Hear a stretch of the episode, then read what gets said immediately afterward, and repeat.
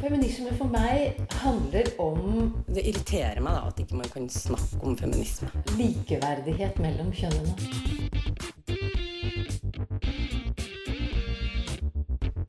Det blikket på kvinnen på film. Det handlet om å bli tatt på alvor som jente.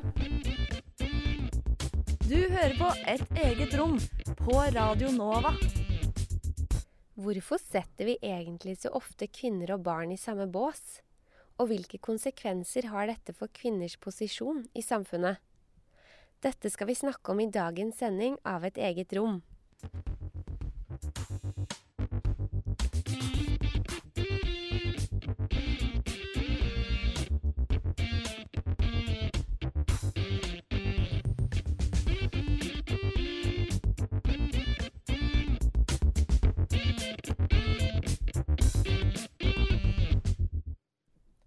Har du noensinne fått noe veldig enkelt forklart for deg? Gjerne fra en eldre mann? Det skjedde for meg for noen dager siden. Jeg hadde fått et nytt kamera som jeg ville teste ut. En eldre mann var på besøk og begynte å forklare meg helt banale egenskaper, sånn som hva symbolet for video er, eller hva som menes med timelapse, og hvordan man plugger den inn for å overføre bildene. Som en millennial som har blitt oppvokst med MSN, kodet mine egne Pixo-sider og journalistikk, fant jeg forklaringen hans helt overflødig. Mens jeg satt og hørte på han forklare hvordan man overfører bilder, fantaserte jeg om å si jeg kan alt dette. Men jeg gjorde det ikke. Jeg lot det skje, og på et tidspunkt stilte jeg til og med oppfølgingsspørsmål. Den natten lå jeg våken lenge og var irritert. Mest på meg selv. Hvorfor sa jeg ingenting? Var jeg redd for å såre ham? Bryr jeg meg mer om flytet i samtalen enn å si ifra? Og hvorfor gjør jeg meg selv så liten? Dagens episode handler om infantilisering av kvinner. Alle kvinner har vel kjent på denne følelsen en eller annen gang. Men hva ligger bak det? Andrea skal snakke litt om dette. Vi gjør mye rart i samfunnet vårt for at folk skal like oss. Vi eh, ser eksempel bort når vi får blikkontakt med noen som peller seg i nesen. Vi ler av dårlige ordspill, og vi sier tusen takk, selv om vi har fått en gave vi ikke hadde lyst på. Disse handlingene fungerer som sosialt glidemiddel. Vi oppfører oss på en måte som vi tror vil få den andre personen til å føle seg bra. Og det er snilt av oss. En fin ting som vi mennesker gjør. Men når man tilhører det kjønnet som i størst grad er oppdratt til å hele tiden innrette seg etter andre, hele tiden pleie andres følelser, kan det fort gå for langt. Som når jeg blir sittende og nikke interessert på et vors hvor en mann klager til meg om at Ulrikke Falk er skadelig for feminismen fordi hun er så sint. Eller når du blir sittende hele lunsjpausen og høre på en klassekamerat forklare deg tema for din egen bachelorgrad, som om du ikke nettopp har brukt tre måneder av livet ditt på å skrive den. Eller når Aida stiller høflige oppfølgingsspørsmål til en voksen mann, som forklarer henne noe vi alle i vår generasjon har kunnet siden vi var ti år gammel. Én ting er at vi tillater det, men hvor kommer dette behovet for å forklare oss ting fra? Mansplaining, som vi ofte kaller det fordi det typisk kommer fra menn, er bare én form for det som kalles infantilisering. Hvis vi skal bruke definisjonen til sosiolog Stuart Hill, så beskriver infantilisering diskurs som bevisst eller ubevisst brukes for å gjøre en part mindre. Det kommer av det engelske ordet infant, som betyr spedbarn. Man behandler den andre som et barn til de føler seg tilsvarende maktesløse. Andre eksempler på infantilisering kan være når du er sint og blir møtt med frasen 'det er bra du engasjerer deg', eller å bli konstant referert til som jente når du er en voksen kvinne.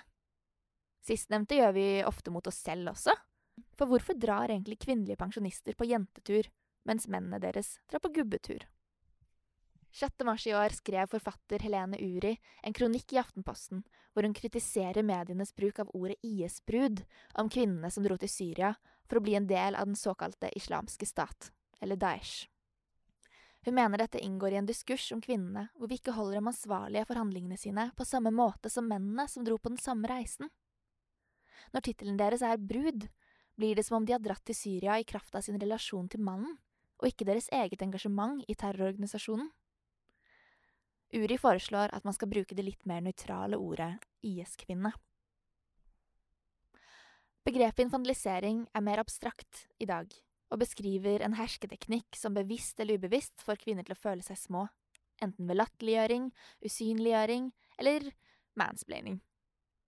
Men det er ikke lenge siden det var vanlig å gjøre helt direkte sammenligninger mellom kvinner og barn i samfunnet vårt, og ideen om at mannen er det rasjonelle, tenkende hodet i familien, har vært dominerende i populærkulturen lenge.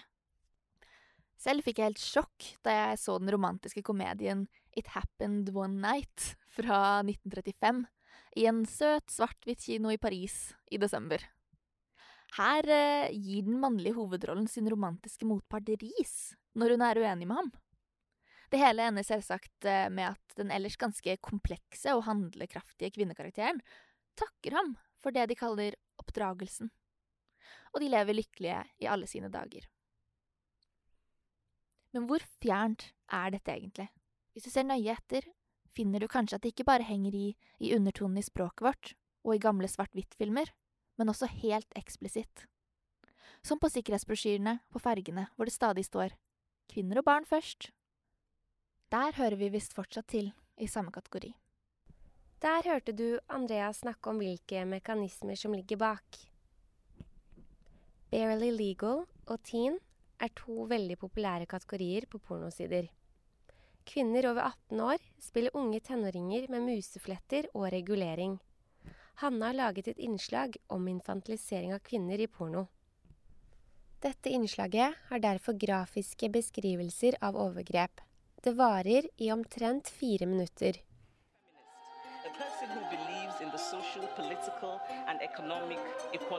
Sexes. Eget rom. Et eget rom. Eget rom. Et eget rom. Et eget rom.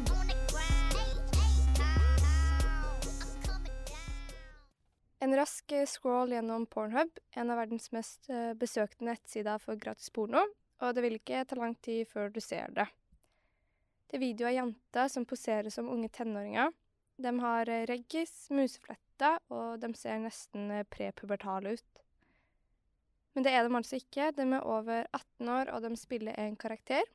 En karakter som veldig mange liker å se på. De som eh, ser på det her, de ser jo ikke på barneporno, men det knyter seg likevel eh, litt i magen når du veit at de jentene her skal se ut som tenåringer. For du er vel ikke mer enn 13-14 når du går med reggis og musfletter. Teen eller barely legal har vært en av de mest populære kategoriene i porno det siste tiåret. Hvorfor er det sånn? Et argument som går igjen, det er rett og slett at det er i menns natur å ville reprodusere med unge og friske kvinner.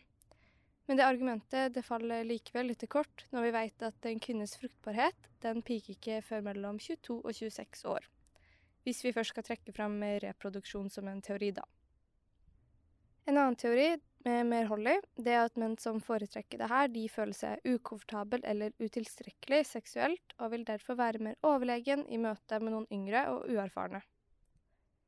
Den lysten til å ha kontroll over og forme et annet menneske du har sex med, det er mildt sagt eh, skremmende. Hvis millioner av mennesker verden over hele tiden søker på og konsumerer porno som involverer og skildrer tenåringer, hva gjør det med vår seksuelle smak og forventninger? Kanskje vi tenker at det er greit for voksne å ha sex med tenåringer, eller at jo yngre en kvinne er eller ser ut som, jo enklere er det å ha sex med eller utnytte hun. Men du finner ikke bare porno med kvinner som spiller yngre jenter på Pornhub. Nettsiden den tillater og lar det ligge ute videoer med jenter som faktisk er i tenårene. Mange av dem er overgrepsvideoer. Og du veit kanskje ikke at du konsumerer det.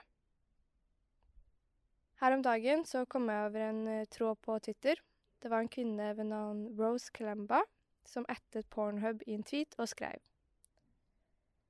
My rapist put me in a mental prison. But you gave me a life sentence by allowing six videos of my rape at age 14 to stay up for over six months until I impersonated a lawyer.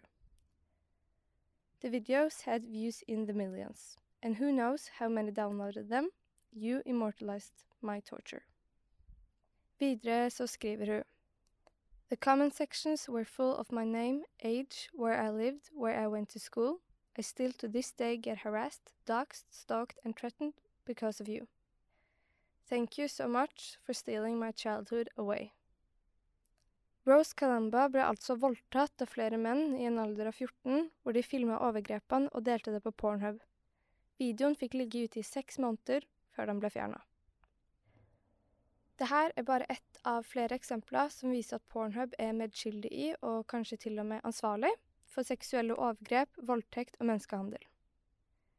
Nettstedet er en kjent magnet for sexhandlere og overgripere, fordi nettstedet ikke har krav til å oppgi alder eller ID for å laste opp en video. Og de unnlater rutinemessig å bekrefte samtykke fra utøvere, hvorav mange faktisk er ofre. Dette er ikke frigjøring, det er seksuell utnyttelse. Den siste tida har en underskriftskampanje fra stenge Pornhub pga. barnepornoen og overgrepsvideoer fått mye oppmerksomhet, og 900 000 mennesker har signert. Vil du også det, så bør du gå inn på traffickinghub.com. Husk at selv om du ikke ser på de videoene her, så støtter du opp under en aktør som gjør det, hver gang du klikker deg inn på sida deres. Det er heller ingen garanti for at menneskene i videoene du ser på, er over 18 år eller har gitt samtykke. Det finnes andre aktører der ute med mer kontrollert innhold, så oppsøk heller dem. Vi vet også at den type porno vi ser på, den former oss, så vær så snill, vær mer kritisk til hvilken type innhold du velger å eksponere deg for.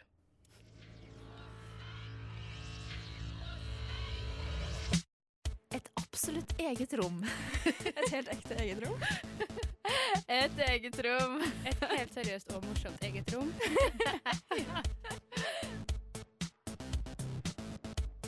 eget rom, Radio Novas feministiske program. Der hørte du Hanna Johnsen om kvinner i porno. I lys av medias oppmerksomhet på den rasistiske politivolden i USA, har Katrine laget et innslag om hvordan fenomenet infantilisering av kvinner samhandler med rasisme i samfunnet vårt. Hvilke skader står hvite kvinner i fare for å utøve hvis de ikke tar hensyn til antirasisme i sin feministiske kamp? Denne uka har svarte mennesker som blir drept av hvite politifolk igjen kommet i medias søkelys, også i Norge. Før jeg går i gang med å snakke om dette, vil jeg presisere to ting. Det første er at jeg snakker kun på vegne av meg sjøl, og det her er mine egne meninger. Det andre er at jeg vil bruke svart, hvit og ikke-hvit som betegnelser for sosiale kategorier som er oppstått rundt forestillingen om rase. Rase er ikke noe inndeling når man snakker om biologiske mennesker, og selve ideen om rase er dypt problematisk. Men på samme måte som at det er nyttig å snakke om kvinnens stilling i samfunnet, må vi snakke om rase. Ja, også i Norge. Selv om nyhetssakene stort sett fokuserer på politivold mot svarte i USA, er det et faktum at det også forekommer i Norge. I 2010 mente Sivilombudsmannen at Norge brøt menneskerettigheter da Yushin Obiora ble drept under en pågripelse i Trondheim i 2006. Fire politibetjenter utførte pågripelsen som førte til at Obiora ble kvalt til døde. VG avslørte også at politiloggen brukte svært nedsettende og rasistiske ord om han. En av politimennene hadde vært involvert i Beidou-saken. Etter en pågripelse av renholderen Sofia Beidu i 1999 på sin arbeidsplass, anmeldte hun politikonstabelen for vold, rasisme og grov uforstand i tjenesten. Trondheim byrett mente det ikke var straffbart å kalle henne rasistiske uttrykk, og mente at Baidu hadde grunn til å føle det her krenkende, men legger vekt på at politimannen ikke mente det slik. Og da har jeg bare snakka om politivold, og ikke rasistisk motivert vold. Mine sosiale medier har vært fulgt av venner som studerer i Amerika, antirasistiske feminister og andre som legger ut informasjon, slagord og tar opp viktige diskusjoner. En av dem har vært en ubehagelig, men ekstremt viktig samtale om hvite kvinners unike form for rasisme. Mamta Akapadi har skrevet en artikkel som heter When White Women Cry How White Women's Tears Oppress Women of Color. Her beskriver problemet mange hvite kvinner har med å forstå at man både er undertrykt som kvinne, samtidig som man undertrykkes som hvit. Mange liberale kvinner som anser seg sjøl som feminister, nekter å anerkjenne at man deltar og drar nytte av rasisme i samfunnet, sjøl om man ikke begår bevisst rasistiske handlinger. På akkurat samme måte som mange menn tenker det er godt nok så lenge man ikke begår vold eller trakassering, men heller sier ikke alle menn. Mekanismen når menn blir konfrontert med kjønnsdiskriminering og vold i samfunnet, er ofte helt lik de som hvite folk har når vi blir konfrontert med, konfrontert med rasisme. Det burde være lett å gjenkjenne for en feminist. I stedet for hva hadde hun på seg før hun ble overfalt, så hører vi ja, men hva gjorde han før pågripelsen? I stedet for men feminister skaper splittelse ved å være så aggressive, har norske kommentarfelt i det siste vært full av de som protesterer, skaper ikke akkurat et godt bilde av seg sjøl ved å mer vold. Og for de som vil framstå som sympatiske, overraskelse uten noen egentlig handling. Akapadi skriver i stedet for at hvite kvinner tenker på hvordan man kan bruke privilegiet sitt konstruktivt til antirasistisk arbeid, tar man til forsvar. Man føler seg angrepet og snur kritikken til å handle om seg sjøl, og alt det gode man sjøl føler man gjør for ikke å være rasist. Ofte tar man til tårene, så ofte at det finnes et eget uttrykk for det – white women's tears. Og når den hvite kvinnen blir hørt framfor den svarte av samfunnet, har man skadet den svarte kvinnen ytterligere. Selv om infantilisering av kvinner er noe som oftest blir påført av andre, spiller jo kvinner også på rollen som svak og omsorgsfull hele tiden. Man framstår som dum og uskyldig, og utnytter kjønnsrollen patriarkatet har påført. Det er en klassisk måte å manipulere på, og for eksempel er det mindre sannsynlig at man blir dømt i en rettssak om man gråter. Men hvis da kvinner gjør dette uten å være bevisst på andre maktstrukturer de er en del av, så kan det føre til undertrykkelse der igjen. Dette blir igjen forsterka av rasistiske ideer om at hvite folk er mer uskyldige enn svarte eller ikke-hvite folk. Det er akkurat de mekanismene som gjør at en hvit kvinne kan ringe politiet og anklage en ubevæpna, uskyldig svart mann i Central Park for å true sitt liv. Og vi vet at vi blir trodd pga. både rasistiske og kjønnsdiskriminerende mekanismer. Og jeg sier vi, fordi hvite kvinner også er privilegert i det norske samfunnet. Og jeg gjør det sjøl om det å definere meg som hvit kvinne er veldig ubehagelig, nettopp fordi jeg har hatt det privilegiet og aldri vært definert ut fra min rase før. Med ordene til Lovi Ajayi Tårene renner ut av øynene til den hvite kvinnen, utvalgt til å være prototypen av kvinnelighet. Kvinnen som har blitt portrettert så hjelpeløs mot verdens urettferdighet. Den som får mest beskyttelse i en verden som generelt gjør en forferdelig jobb i å verdsette og verne kvinner. Feminismen som bevegelse har en lang historie med rasisme. Blant annet ekskluderte suffragetten svarte kvinner urfolkskvinner og andre ikke-hvite kvinner i sin kamp for stemmerett. Det i seg sjøl fortjener en egen episode av Et eget rom. Et internalisert sjølbilde som offer kan føre til at man ikke tar tilstrekkelig ansvar i møte med minoriteter sine utfordringer. Og ved å sette et ensidig fokus på sin egen lidelse, tar man bort oppmerksomheten fra de som lider under både mer og grovere diskriminering. Internettet er fullt av forslag til hva man kan gjøre som hvit for å hjelpe til i kampen mot rasisme. Google det nå. Lytt til de som opplever rasisme både i Norge og utlandet. Ikke bare lytt, men bruk lærdommen. Black feminism og interseksjonell feminisme er store akademiske felt. Et sted å starte kan være Lisa og Chika episoder episode fra Novalab om hvordan det er å være person of color i Norge. Søk på Novalab POC med en gang. Vi som tjener på den rasistiske samfunnsorden, er nødt til å ta saken i egne hender, og det å unnlate å handle er å opp opprettholde systemet. Det gjør vondt å bli konfrontert med sine egne privilegier, og jeg har følt på mye skam og sinne denne uka. Hvorfor snakker vi ikke om det her hele tida? Hvorfor må vi se en video av et brutalt mord for å snakke om det her i et eget rom?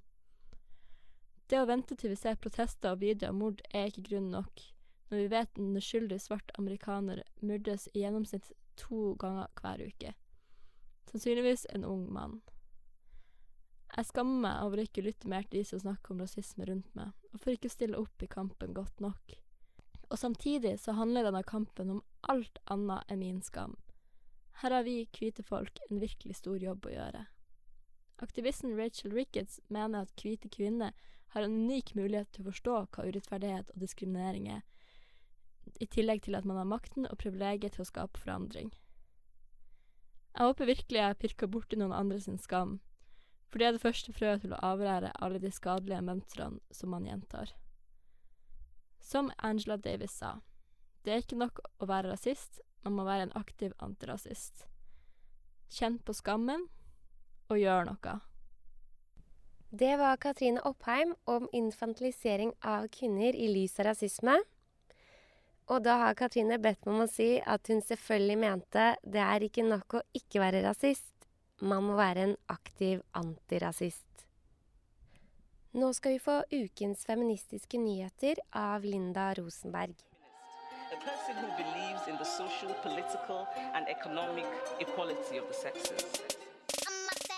Et eget rom. Et eget rom. Et eget rom. Et eget rom. Et eget rom.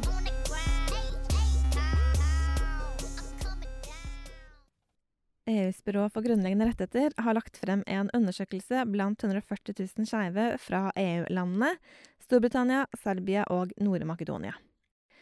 Resultatene viser at flertallet av LHBT-par i Europa fremdeles ikke tør å holde hender i offentligheten. At én av fem har blitt diskriminert på arbeidsplassen, og at én av ti har blitt utsatt for fysisk eller seksuell vold. I tillegg opplever fire av ti at rettighetene deres har blitt innskrenket. I Frankrike sier 54% at forholdene for LHBT-personer har blitt verre. I Tyskland sier 45% det samme, mens to av tre sier at forholdene har blitt verre i Polen. For to år siden ba Stortinget regjeringen om å foreslå en lov som gir transpersoner vern mot hatkriminalitet. Loven er allerede klar for votering, men justiskomiteen har nå bestemt at saken skal utsettes til høsten. Utsettelsen har sammenheng med koronasituasjonen, har stortingsrepresentant Maria Aasen Svensrud fra Arbeiderpartiet fortalt til nettstedet Geysir. Ingvild Ennestad, leder av FRI, sier forslaget er grundig utredet og gjennomarbeidet, og at saken burde vært votert over for lenge siden. Universitetet i Tromsø er felt for kjønnsdiskriminerende praksis. Det er en kvinnelig førsteamanuensis som har tatt saken til Diskrimineringsnemnda. I 2018 ble to personer ansatt omtrent samtidig, innen samme fagfelt, med samme utdanning og med samme stillingstittel. Likevel fikk den ene, en mann, 85 000 kroner mer i lønn. UiT har forklart dette med at de raskt måtte få en person på plass i stillingen som mannen fikk, og at lønnen ble satt med bakgrunn i jobben som mannen hadde tidligere. Den kvinnelige ansatte vil nå kreve lønnsforskjellene de siste to årene etterbetalt. Koronapandemien har gjort det vanskeligere for mange kvinner å håndtere mensen. Det fortalte Kirkens Nødhjelp i forbindelse med den internasjonale menshygienedagen sist torsdag. Bind og tamponger, som fra før av ble sett som luksusprodukter mange ikke hadde råd til, har blitt enda dyrere.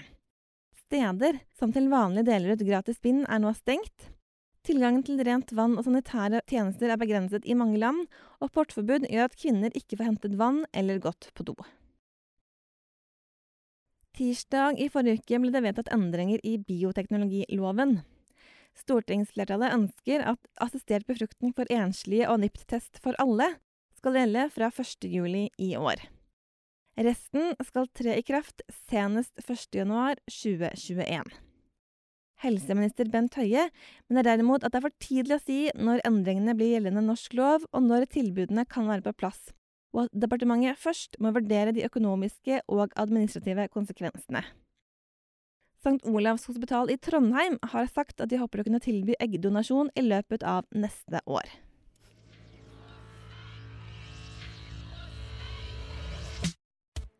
Absolutt eget rom. Et helt ekte eget rom. Et eget rom. Et helt seriøst og morsomt eget rom.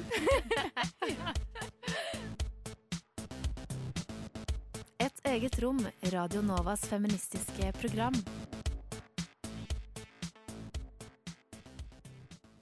Ukens feministiske nyheter var laget av Linda Rosenberg. Denne uken har vært preget mye av demonstrasjoner i USA, og vi vil adressere dette.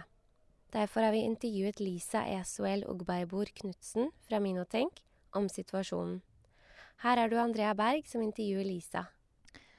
Forrige mandag, den 25. mai, ble den 46 år gamle svarte amerikaneren George Floyd drept av den hvite politimannen Derek Chauvin.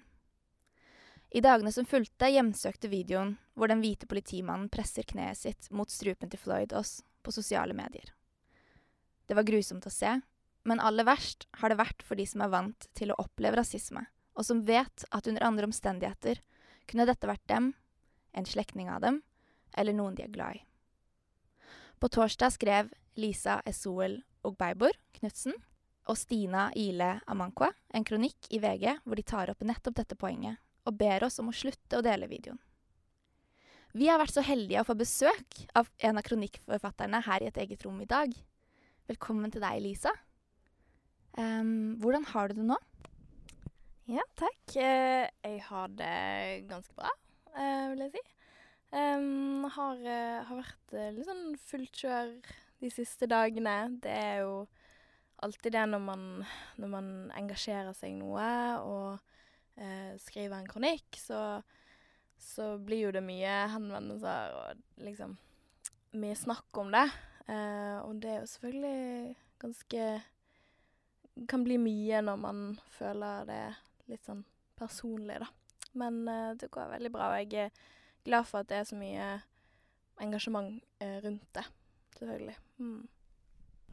Ja, det gir mening. Jeg er veldig glad for å ha det her.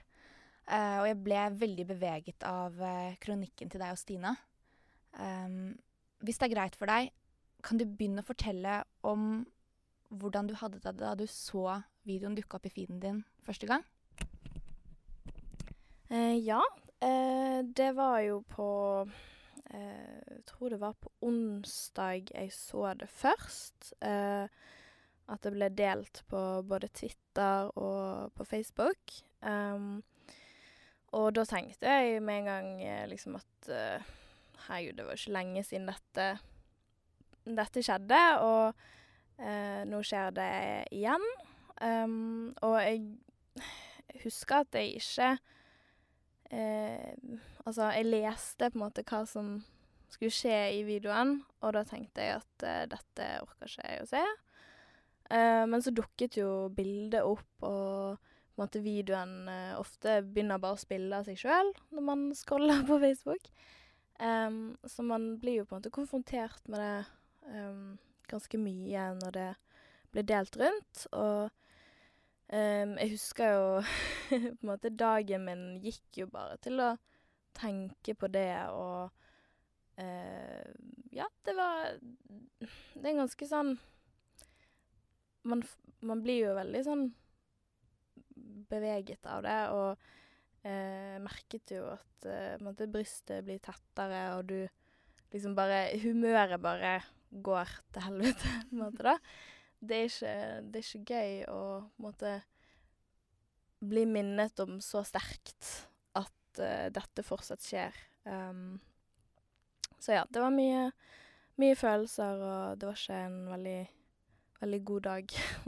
mm.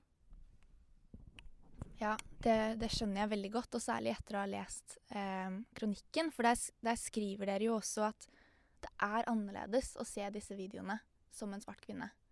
Um, kan du si litt mer om det? Ja, altså det handler jo om at uh, en måte vi har Jeg tror du kan du kan på en måte ikke møte en person som er rasifisert, og uh, på en måte ikke få eh, svar om at man har opplevd noe, da. Um, mange har opplevd eh, måte vold som følge av eh, rasisme og disse ideene som er i alle oss da. Um, men også ord kan jo være vold, um, og det på en måte det å se så grafisk en som du identifiserer deg med, en som du vet på en måte eh, Altså, folk ser på på oss eh, altså på samme måte ofte. Um, selv om det er forskjeller mellom å være en svart mann i USA og en, en måte, blandet uh, kvinne i Norge. Det er forskjell, men vi deler mange av de samme måte, eh, markørene og, og identiteten, da. Så man begynner jo å tenke på det man sjøl har opplevd, og man blir konfrontert med at det kan skje, skje meg også, og, og, eh, og folk som du er glad i, selvfølgelig. Eh, så det er jo på en måte Det blir veldig fort eh, veldig personlig når man ser sånne ting. Um, Der hørte du et lite utdrag fra intervjuet med Lisa. Resten av intervjuet kan du høre på sendingen om to uker. Denne sendingen er viet helt til antirasisme. Tusen takk for at du hørte på, og takk til Hanna Johnsen, Linda Rosenberg, Katrine Oppheim og Andrea Berg for deres bidrag. En spesiell takk til Lisa Esohel Ogbeibor Knutsen for intervju. Du kan også finne oss på Facebook og Instagram. Vi høres! Du har hørt en podkast fra Et eget rom på Radio Nova. Vil du høre mer? Sjekk ut Et eget rom på Facebook, Instagram eller radionova.no.